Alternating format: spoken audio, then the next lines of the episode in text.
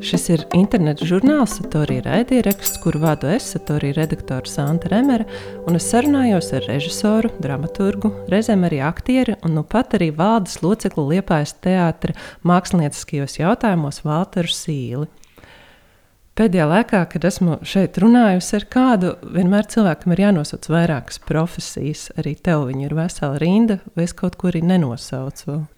Jā, vēl pēdējā laikā es esmu vieslektors bijis Kultūras akadēmijā studentiem, kas studē režiju. Tas vēl ir tāda maza lieta, jā, kas nav publiska. Jā. Šī gada 30. janvārī tika apstiprināts, ka tu jā. tagad esi Liepājas teātris jaunais mākslinieckais vadītājs. Jā. Un tas, protams, liek uzdot jautājumu, kas tevi pamudināja uz šādu soli? Tas, kas man pamudināja, visticamāk, bija sajūta par uh, atbildības uzņemšanos. Jā.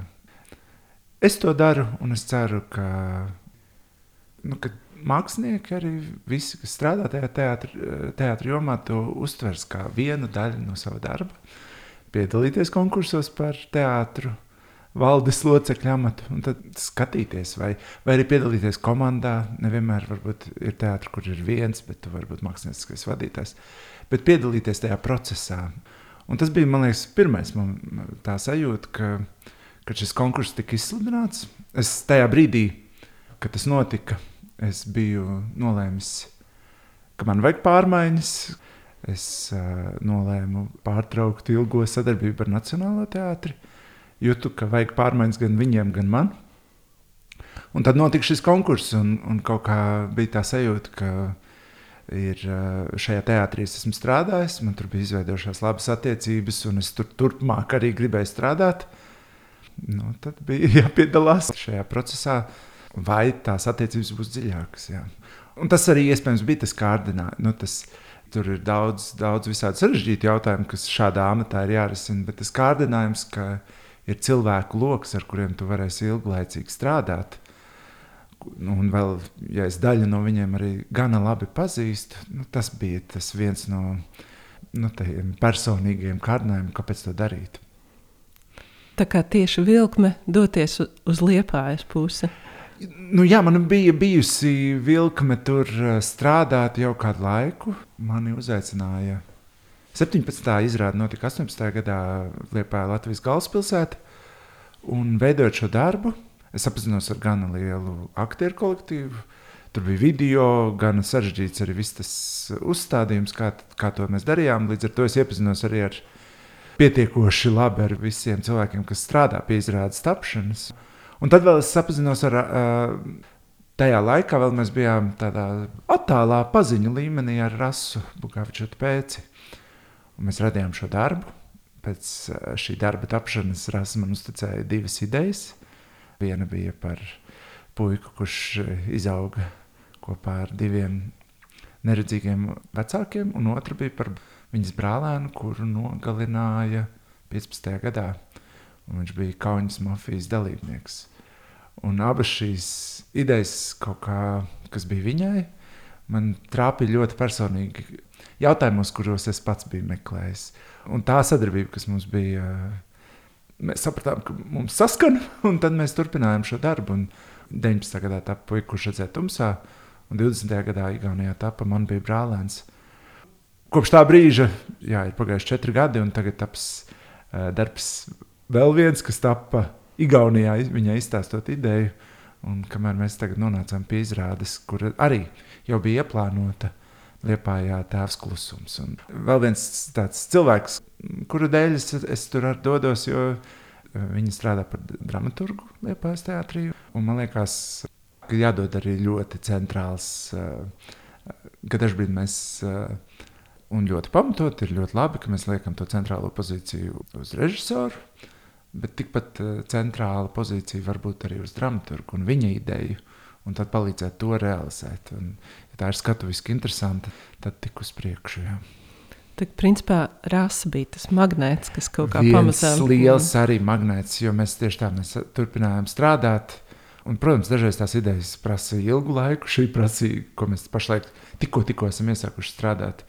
jā, tas ir bijis garš, garš process, un visādos veidos mēs esam ar šo ideju dzīvojušies, un, un tagad viņa par, kļūst par izrādi. Un, un bija arī vēlme, ka mēs sā, sākām to, tā, to darbu kopā Liepājā, un tad divi darbi nebija Liepājā, un, un tagad turpināt. Un tas sakrita vēl ar šo, šo piedāvājumu, un tad notika jā, darbs pie konkursa, un, lai, te, lai tas tiešām būtu sagatavojies šim procesam.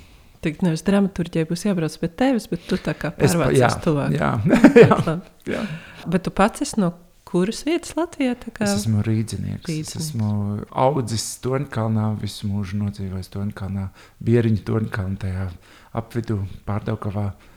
Un arī liela daļa manas ģimenes tur ir māja, kurā uzaugu uzcēla mans vecs, vecs tēvs, un, un viņi paši arī Bieriņos Man liekas, manas vecmāmiņas, mammas vecāki atbrauca uz Rīgu 19. gadsimtā. Tā kā man tā Rīgas piesaiste ir bijusi ļoti, ļoti nu, pamatīga. Un, uh, bet tajā pašā laikā man ir bijusi sajūta, ka mēs ļoti centralizējam mūsu teātrus vidi. Cilvēkiem ir tā sajūta, ka ir jāpaliek Rīgā, un man tā ir bijusi vienmēr jocīga, jo teātris tiešām var tapt visur, un teātrim ir jātop dažādās vietās. Un, un savukārt, teātris vidē jā, man ir bijusi interese būt arī ārpus šī Rīgas centra. Jā. Tu esi režisors ar jau diezgan garu stāžu. Kāda vispār ir mākslinieckā vadītāja pienākuma teātrī? Tu tos esi jau apjautis. Es domāju, ka gan lielu daļu es esmu apjautis. Vienkārši ar strādājot un redzot, kā to dara citi cilvēki. Un esot tajā procesā esot gana tuvu tam klāt. Protams, tas interesantais ir tas uh, balans starp uh, dažādu mākslinieku interesēm un, un kā viņām sakrist kopā teātris interesēs. Un, un tur ir tas interesantais, jā, kā uh, dažkārt egoisms, un, uh, jo šis egoisms ir par mākslu, ir jāatbalsta. Jo cilvēki grib jau radīt labus darbus, un viņi ir teikt, jāiedrošina biežāk būt drosmīgiem. Un tad tomēr atkal jāatrod tam saprotams veids, kā, kā to nodot skatītājiem.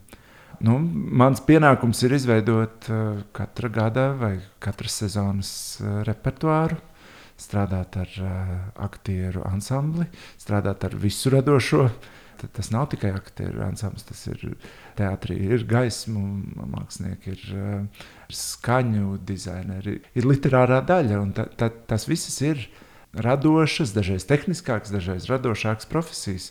Un arī nu, jā, manā tajā darbā ienāk daļa tehniskā darba, jā, tajā visā plānošanā, kā tas viss notiks.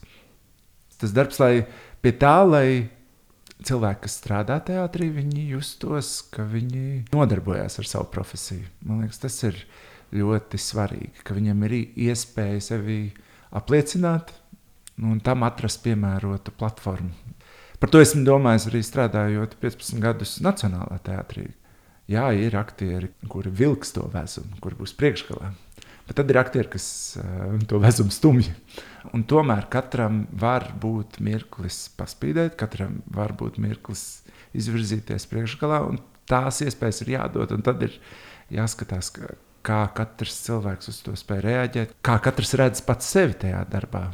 Un tas ir tāds vienmēr jā, tāds cilvēcīgs darbs, saprast, Dažbrīd tas ir arī nevienmēr viegls, jā, jo nevienmēr tas apjoms, ko tu vari izdarīt, ir viens, un cilvēka ambīcijas ir bezgalīgas, un, un to samērot ir uh, vienmēr darbs.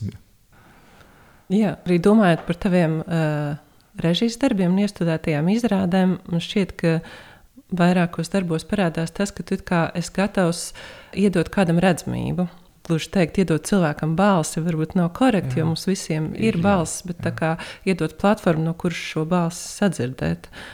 Un, līdzīgi man likās, jā, par puiku, kas redzēja tumsā, arī par citām izrādēm. Tad šķiet, šobrīd es uzņēmu jaunus apgriezienus, tad tu gribi sanāk, iedot katram teātra kolektīva dalībniekam šo iespēju nu, uzmācīt. Jā, jā nu, jā, tas eh, pēc tam jā, varēs teikt, ah, bet tu man neiedevi nākošajā gadā uzvirdzēt iespēju, un tā, tas balans atrast to.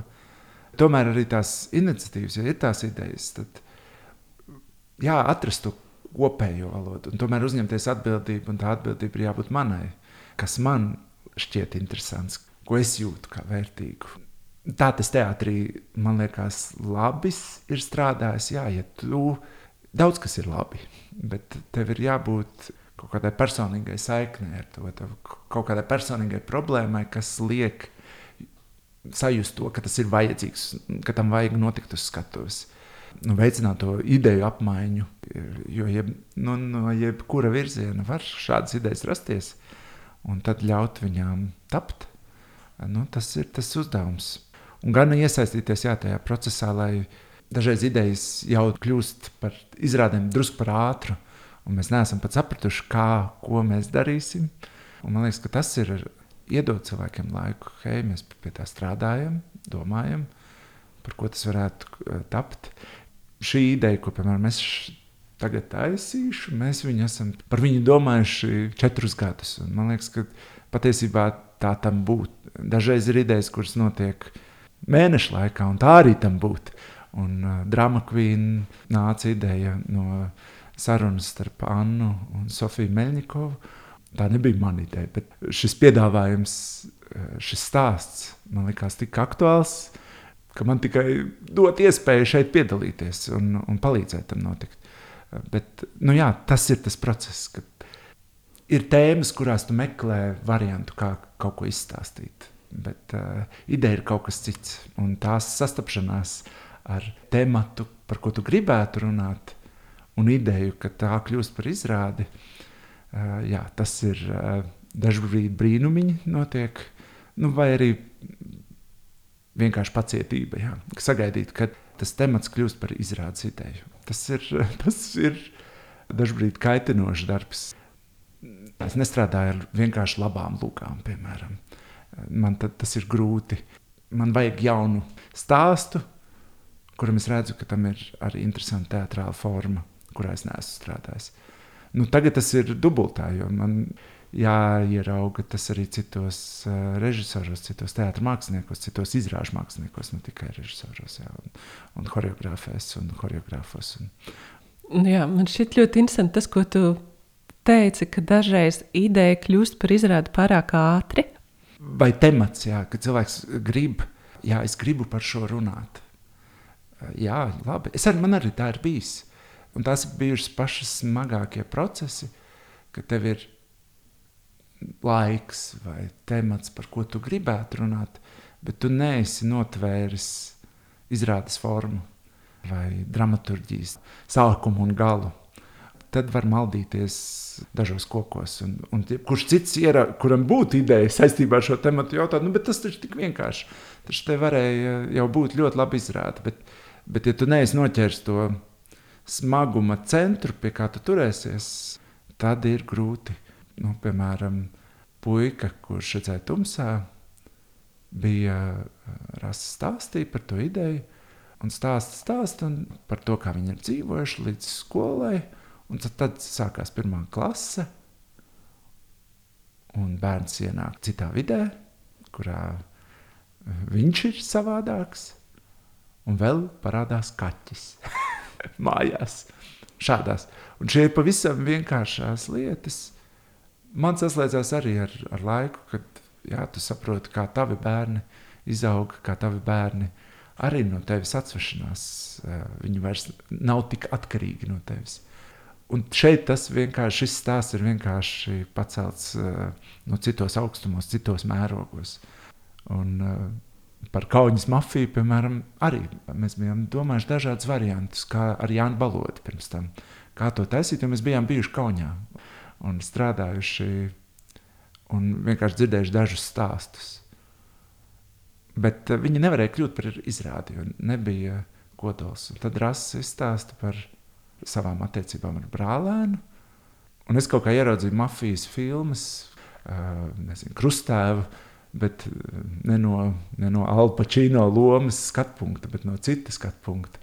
Un, un pēkšņi tu ieraugi, ka tā tas varētu būt stāstīts, šis stāsts, ka tu redzi šo cilvēku no malas nedaudz, un pēkšņi tad varēja strādāt. Un tad piekārtojās izrādes forma un viss kaut kas, bet, bet noķert to kodolu, pie kā tu turies, Nevis vienkārši mēs gribam par kaunas mafiju stāstu, par noziegumiem. Tas ir tas uh, grūtais. Jo dažreiz temati jau izklausās kārdinoši. Jau, oh, tas būs interesanti. Bet kamēr nav tas, un man ir bijušas jā, situācijas, par kurām ir grūtāk runāt. Jā, man, nu, ar visu grupu, kas taisījām leģionārus, mēs bijām uzaicināti veidot izrādi Hamburgā un Berlīnē. Un man bija viena konkrētāka ideja, bet viņa bija grūti saprotama. Es domāju, tā būtu labāka. bet eh, par 90. gadu mākslu. Un viņa ir viss kaut kas, un mēs neatradām. Mēs strādājam pacietīgi katru dienu, no 10 līdz 8 vakarā. Kārtīgi, kārtīgi, kārtīgi. Bet tas, mēs katru dienu taisījām citu izrādi, jo mēs nebijām atraduši to smaguma centru, pie kā turēties. Un, un tad ir grūti, jā, tad, tad, tad tu maldies. Jā. Reizēm liekas, ka dažām tēmām varbūt vēl pietrūkst laika distances. Nu, kaut kam tādam kā 90. gadu vispār pieredzēja. Man liekas, Jā. ka tur kaut kas vēl ir tik tūs, ka daudz no mums, kas viņu redzējuši, nespēja vēl to ieteikt. Jā, vai stāstā. arī tam ir jābūt drusku konkrētāk, kur, par kuru cilvēku tu gribi stāstīt.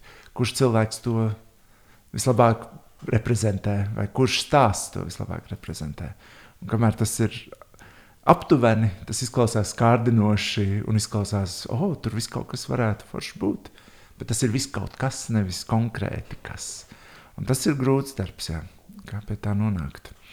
Un to ar laiku atpazīst, ka tu vēl neesi nonācis pie idejas, bet tu esi, pie, tu esi tikai savā interešu lokā pašlaik malies.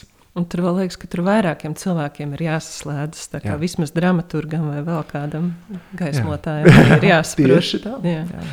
Jā, bet ir arī tā, ka tu daudzās intervijās vispār um, publiski mēģini sevi pozicionēt kā diezgan sociāli aktīvu un atbildīgu cilvēku. Nu, arī šobrīd vairākas reizes pieminēju šo atbildību.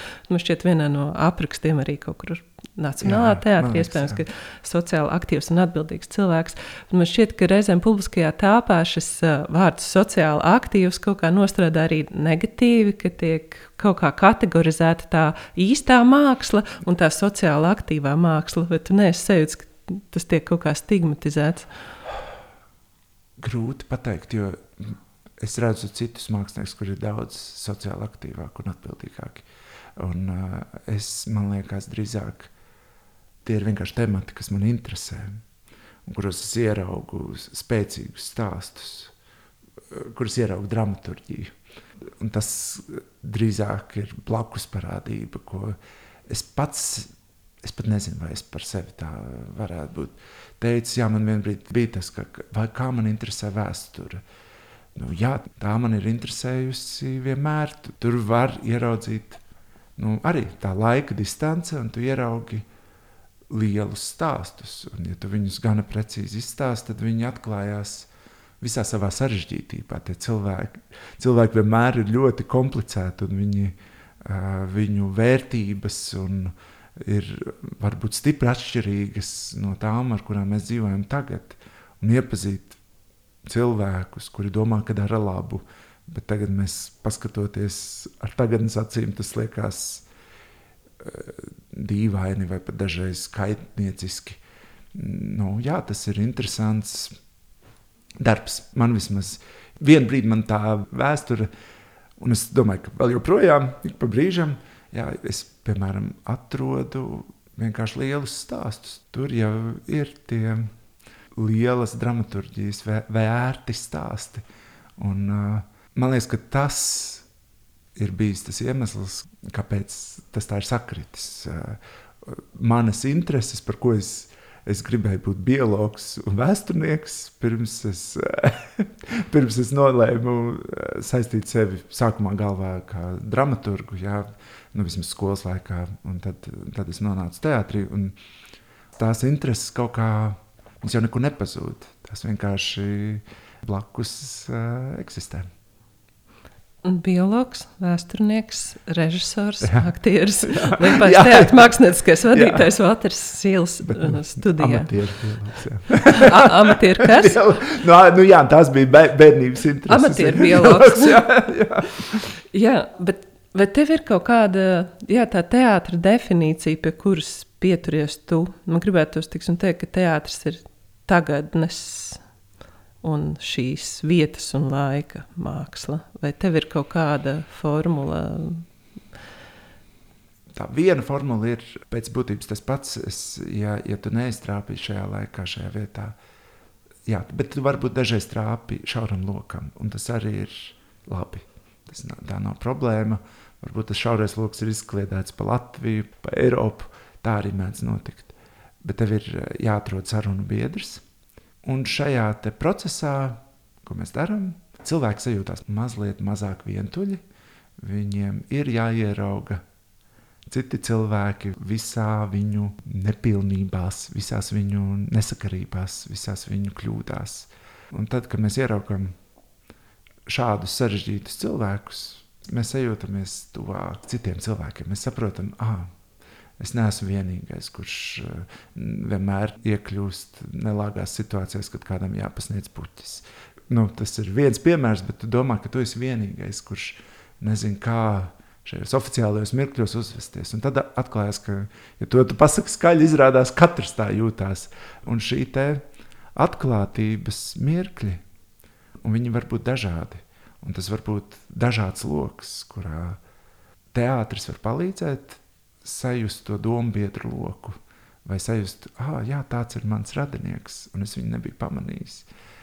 Tā ir laba sajūta teātrī, kad viņā tu atpazīsti sevi vai atpazīsti savu tuvinieku.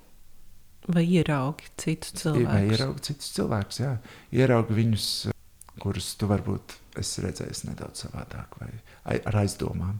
Bet man liekas, ka dažkārt kaut vai tas, ka tu tāds neesi vienīgais, tā ir ļoti būtiska sajūta. Un viņa ir atbrīvojoša sajūta, nevis uh, saslēdzoša. Ar to, ar ko tu cīnies, cīnās vēl katrs savā veidā, daudzi cilvēki. Un daži cīnās ar tev vienkāršiem uzdevumiem. Man tas vienmēr ir bijis interesanti, kā vienkārši uzdevumi kas tev ir nepatīkami, citam ir grandiozi. Eh, mums bija arī Jānis Balods izrāda mežainis, un tur lielāk, viens no lielākajiem soļiem ir aiziet pie zobārsta. Ja tu neesi bijis sabiedrībā daudzus, daudzus gadus, man liekas, 30 gadus viņš nebija bijis izgājis ārā no sava tā meža ieloka, no savas lauku sēdes ieloka. Un tagad ir jāizbrauc uz pilsētu, salbot zobi. Un tāds solis nu, man vienmēr, ja es ieraugu šādus stāstus, man vienmēr ir, oh, jā, es zinu, kas ir iet pie zobārsta un kādu saņemšanos tas prasa. Bet šeit tas prasa cita līmeņa saņemšanos. Nu, tas ir anekdotiski, bet, bet tādi īstenībā tie ir labi pamati izrādēji. Jā. jā, bet man liekas, ka tur arī ir daudz tie līmeņi, kuros to stāstu par zobārstu var uztvert. Jā. Jo jā, nu viens ir teiksim, mežainis, kas ir viens ekstrēms, iznāk pēc 30 gadiem, bet teiksim, arī dzīvot noteiktos sociālos apstākļos, kur tu nezini, vientuļā māmiņa, kas jā. var knapi tur pabarot bērns, un tad ir zobārsts, kas ir šis kā, luksus pakalpojums. Jā. Un patiesībā man liekas, ka zobārsts kā robeža šķirtne darbojas ļoti daudzos ļoti kontekstos. Daudzās. Un tieši tā. Un dažādās situācijās, dažādos laikos pēkšņi zobārstam ir ļoti dažādas nozīmes. Kaut kādā brīdī bija tas, ka es brīnījos, jā, ka vecums vienmēr ir tēma. Un tā vienmēr ir patiesībā šokējoša uh, apziņa, ka tu, tava dzīve tuvojās beigām, ka tu esi, neesi bezgalīgs un, un ka tev ir ļoti ierobežots laiks. Un viņi ir kā, nu jā, mēs ar to dzīvojam, bet patiesībā um, jā, mēs dažkārt to noliekam malā, un, un tad kā ar to sadzīvot? Kā sadzīvot ar to, ka viss ir gaistošs? ir uh, temats, pie kuras atgriežos un atgriežos. Un man liekas, ka daudz mākslinieku pie viņas atgriežas, jo ar to mēs dzīvojam, ar to mēs vienkārši dzīvojam. Es turpinu domāt par zobiem un zobārstu. Nu jā, tur gan tas bāļu funkcija, gan arī tas, ka vispār jau arī liekas, kaut kādā mitoloģiskā līmenī, vai kur tā kā ar zobiem un zobu zaudēšanu tiek saistīts ar spēka zaudēšanu jā, un tā jā. tālāk. Hmm. Es vienkārši neesmu redzējis mežāni. Man uzreiz tā, oh, es gribu redzēt šo uh, interpretāciju. Jā. Tajā darbā tas bija liels kā, solis, jā. Cita atgriešanās, pirmais solis. Vismaz ļauties būt neatpazītam, būt inkognito, bet vismaz būt sabiedrībā. Neredzamam, bet tomēr uh, eksistēt. Tajā, nu, vismaz mūsu stāstā, bet arī nedaudz no tā, ko mēs zinājām par viņu. Tie, tas bija tāds dramatisks solis, un tad viņš atklāja, ka viņu neviens vairs nezina. Viņš var klīst pa pasauli.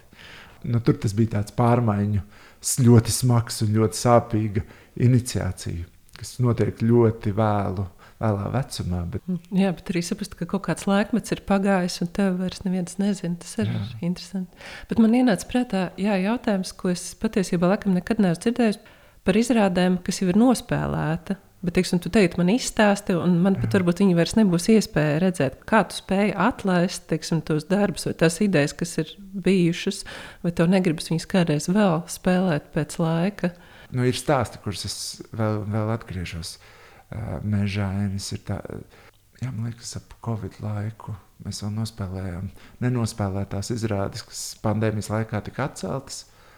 Un, man liekas, drīz vien pēc tam mēs no tās izrādes atvadījāmies. Viņi ir ierakstīti, un viņi ir labi ierakstīti. Latvijas televīzija to ir izdarījusi, bet um, tas darbs man tapa Kaunijā, un tā bija gandrīz kā tāda ģimene, kas izveidojās mums fantāzējot par šo ģimeni. Iztā, nevis fantāzējot, bet iztēlojoties no tiem faktiem, kas bija mums zināmi, kā tas varēja notikt. Un man gribējās viņu pārcelt uh, uz uh, Rīgu šo stāstu un izstāstīt.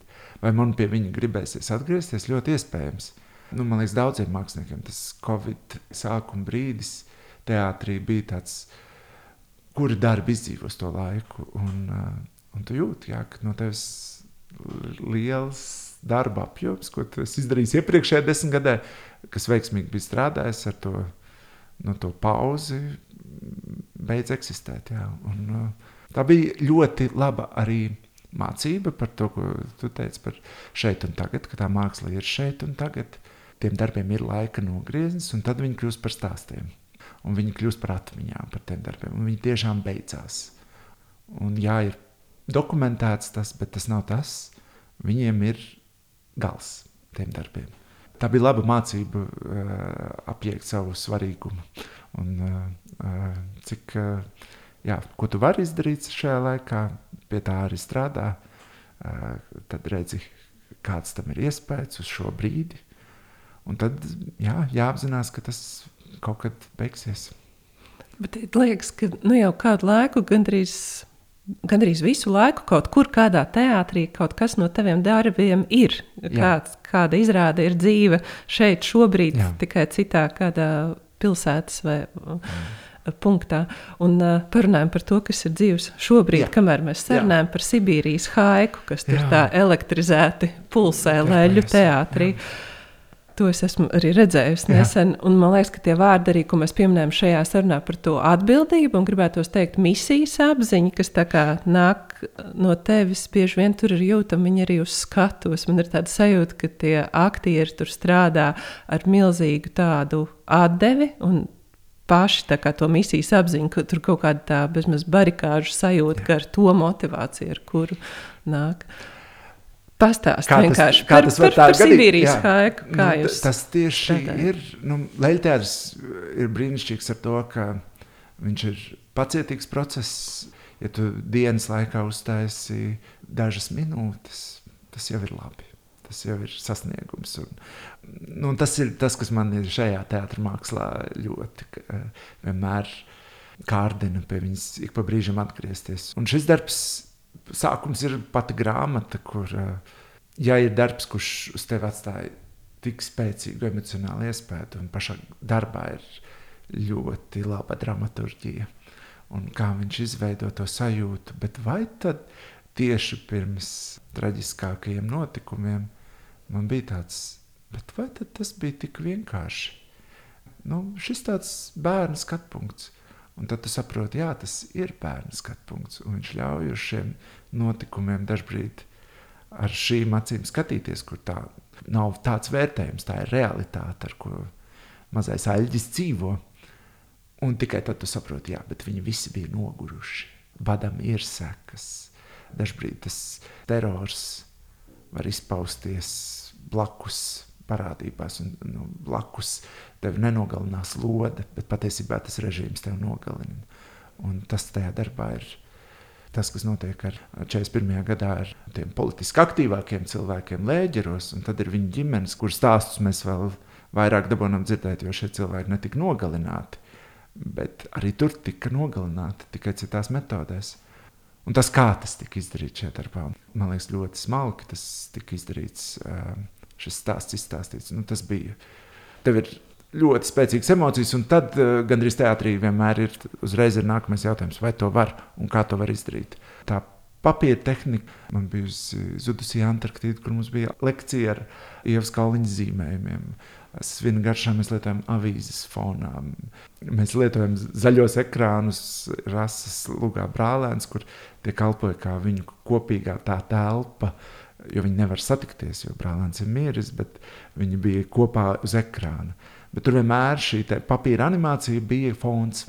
Un, jā, ir vēl mākslinieki, kas šādā tehnikā visur Eiropā, pasaulē strādā. Bet šajā darbā bija šie brīnišķīgie zīmējumi. Un, man liekas, man tāda drošība, ka tas ir man tuvs stils, bija pāris uh, bildītas grāmatā, kur pēkšņi nofotografēts rokas ar papīrīti. Un pēkšņi ir citas tehnikas lietotas. Un pati grāmata iedeva to valodu, kādā viņu stāstīt. Un tad iepriekšējā pieredze iedeva to tehniku, kā mēs viņu strādāsim. Un tad tas bija jā, tas pacietīgais darbs. Un, man liekas, visi aktieri apzinājās, izlasot arī kopā to darbu, ar kādu materiālu mēs strādājam. Bet man liekas, ka nu, iedvesmojoši vārdi ātri gaist. Ej, dodamies, šis būs grandios. Uh, tas, man liekas, ir režisora darbs, uzstādīt sarežģītu mērķi kurā katrs mākslinieks jūtas, hei, es vēl neaizsniedzos līdz tam mērķim, es vēl neesmu pietiekoši, pietiekoši tam mērķim. Tad tu tikai korģē, un jo visi pie tā strādā. Tu esi tas skats no malas, vai mēs tuvojamies vai netuvojamies. Tur bija daudzas mācības tajā procesā, kā mēs atvērām katru nodaļu, sapratām, kur tur ir teātris, kāpēc mums viņa ir vajadzīga. Un tad mēs radījām izrādes daļu, un tad pārradījām vai piemērojām to tekstu izrādēji. Un tas bija tāds ļoti pacietīgs process. Man liekas, ka man nevajadzēja stāstīt, kāpēc tas ir vērtīgi. Visi to ļoti labi apzinājās. Tur lab, bija ļoti labs kolektīvs, ar kuriem strādāt. Tas ir arī paša uzdevums turēt to pašu uzmanību pie tā, kas notiek. Un, un tad radās tās sarežģītās bildes un tāda orķestra sajūta, jā, ka ir noteikta veida attēls un skaņa ko tu gribi kopā redzēt, un tad pie tā strādāt. Tas bija pacietīgs process. Mums bija paredzēts tas novembrī iznākt šai izrādē. Bet visi kaut kā arī pēc tam jūta, ka tas, ka pārcēlās uz janvāri, palīdzēja visiem kļūt stabilākiem. Mēs bijām uztaisījuši izrādi no sākuma līdz galam, bet mēģinājām zālē. Bet mēs varējām būt pārliecinātāki par to, ko dara E, kā katram bija nosēdusies pārliecība, kas tas būs, kā tas notiks. Tā bija ļoti interesanta pieredze. Un, e, jā, man šogad bija divi darbi, kur nedaudz pārmainīja. Arī terors Nacionālajā teātrī, kur bija ka mēs strādājām pavasarī un izrādi iznāca rudenī.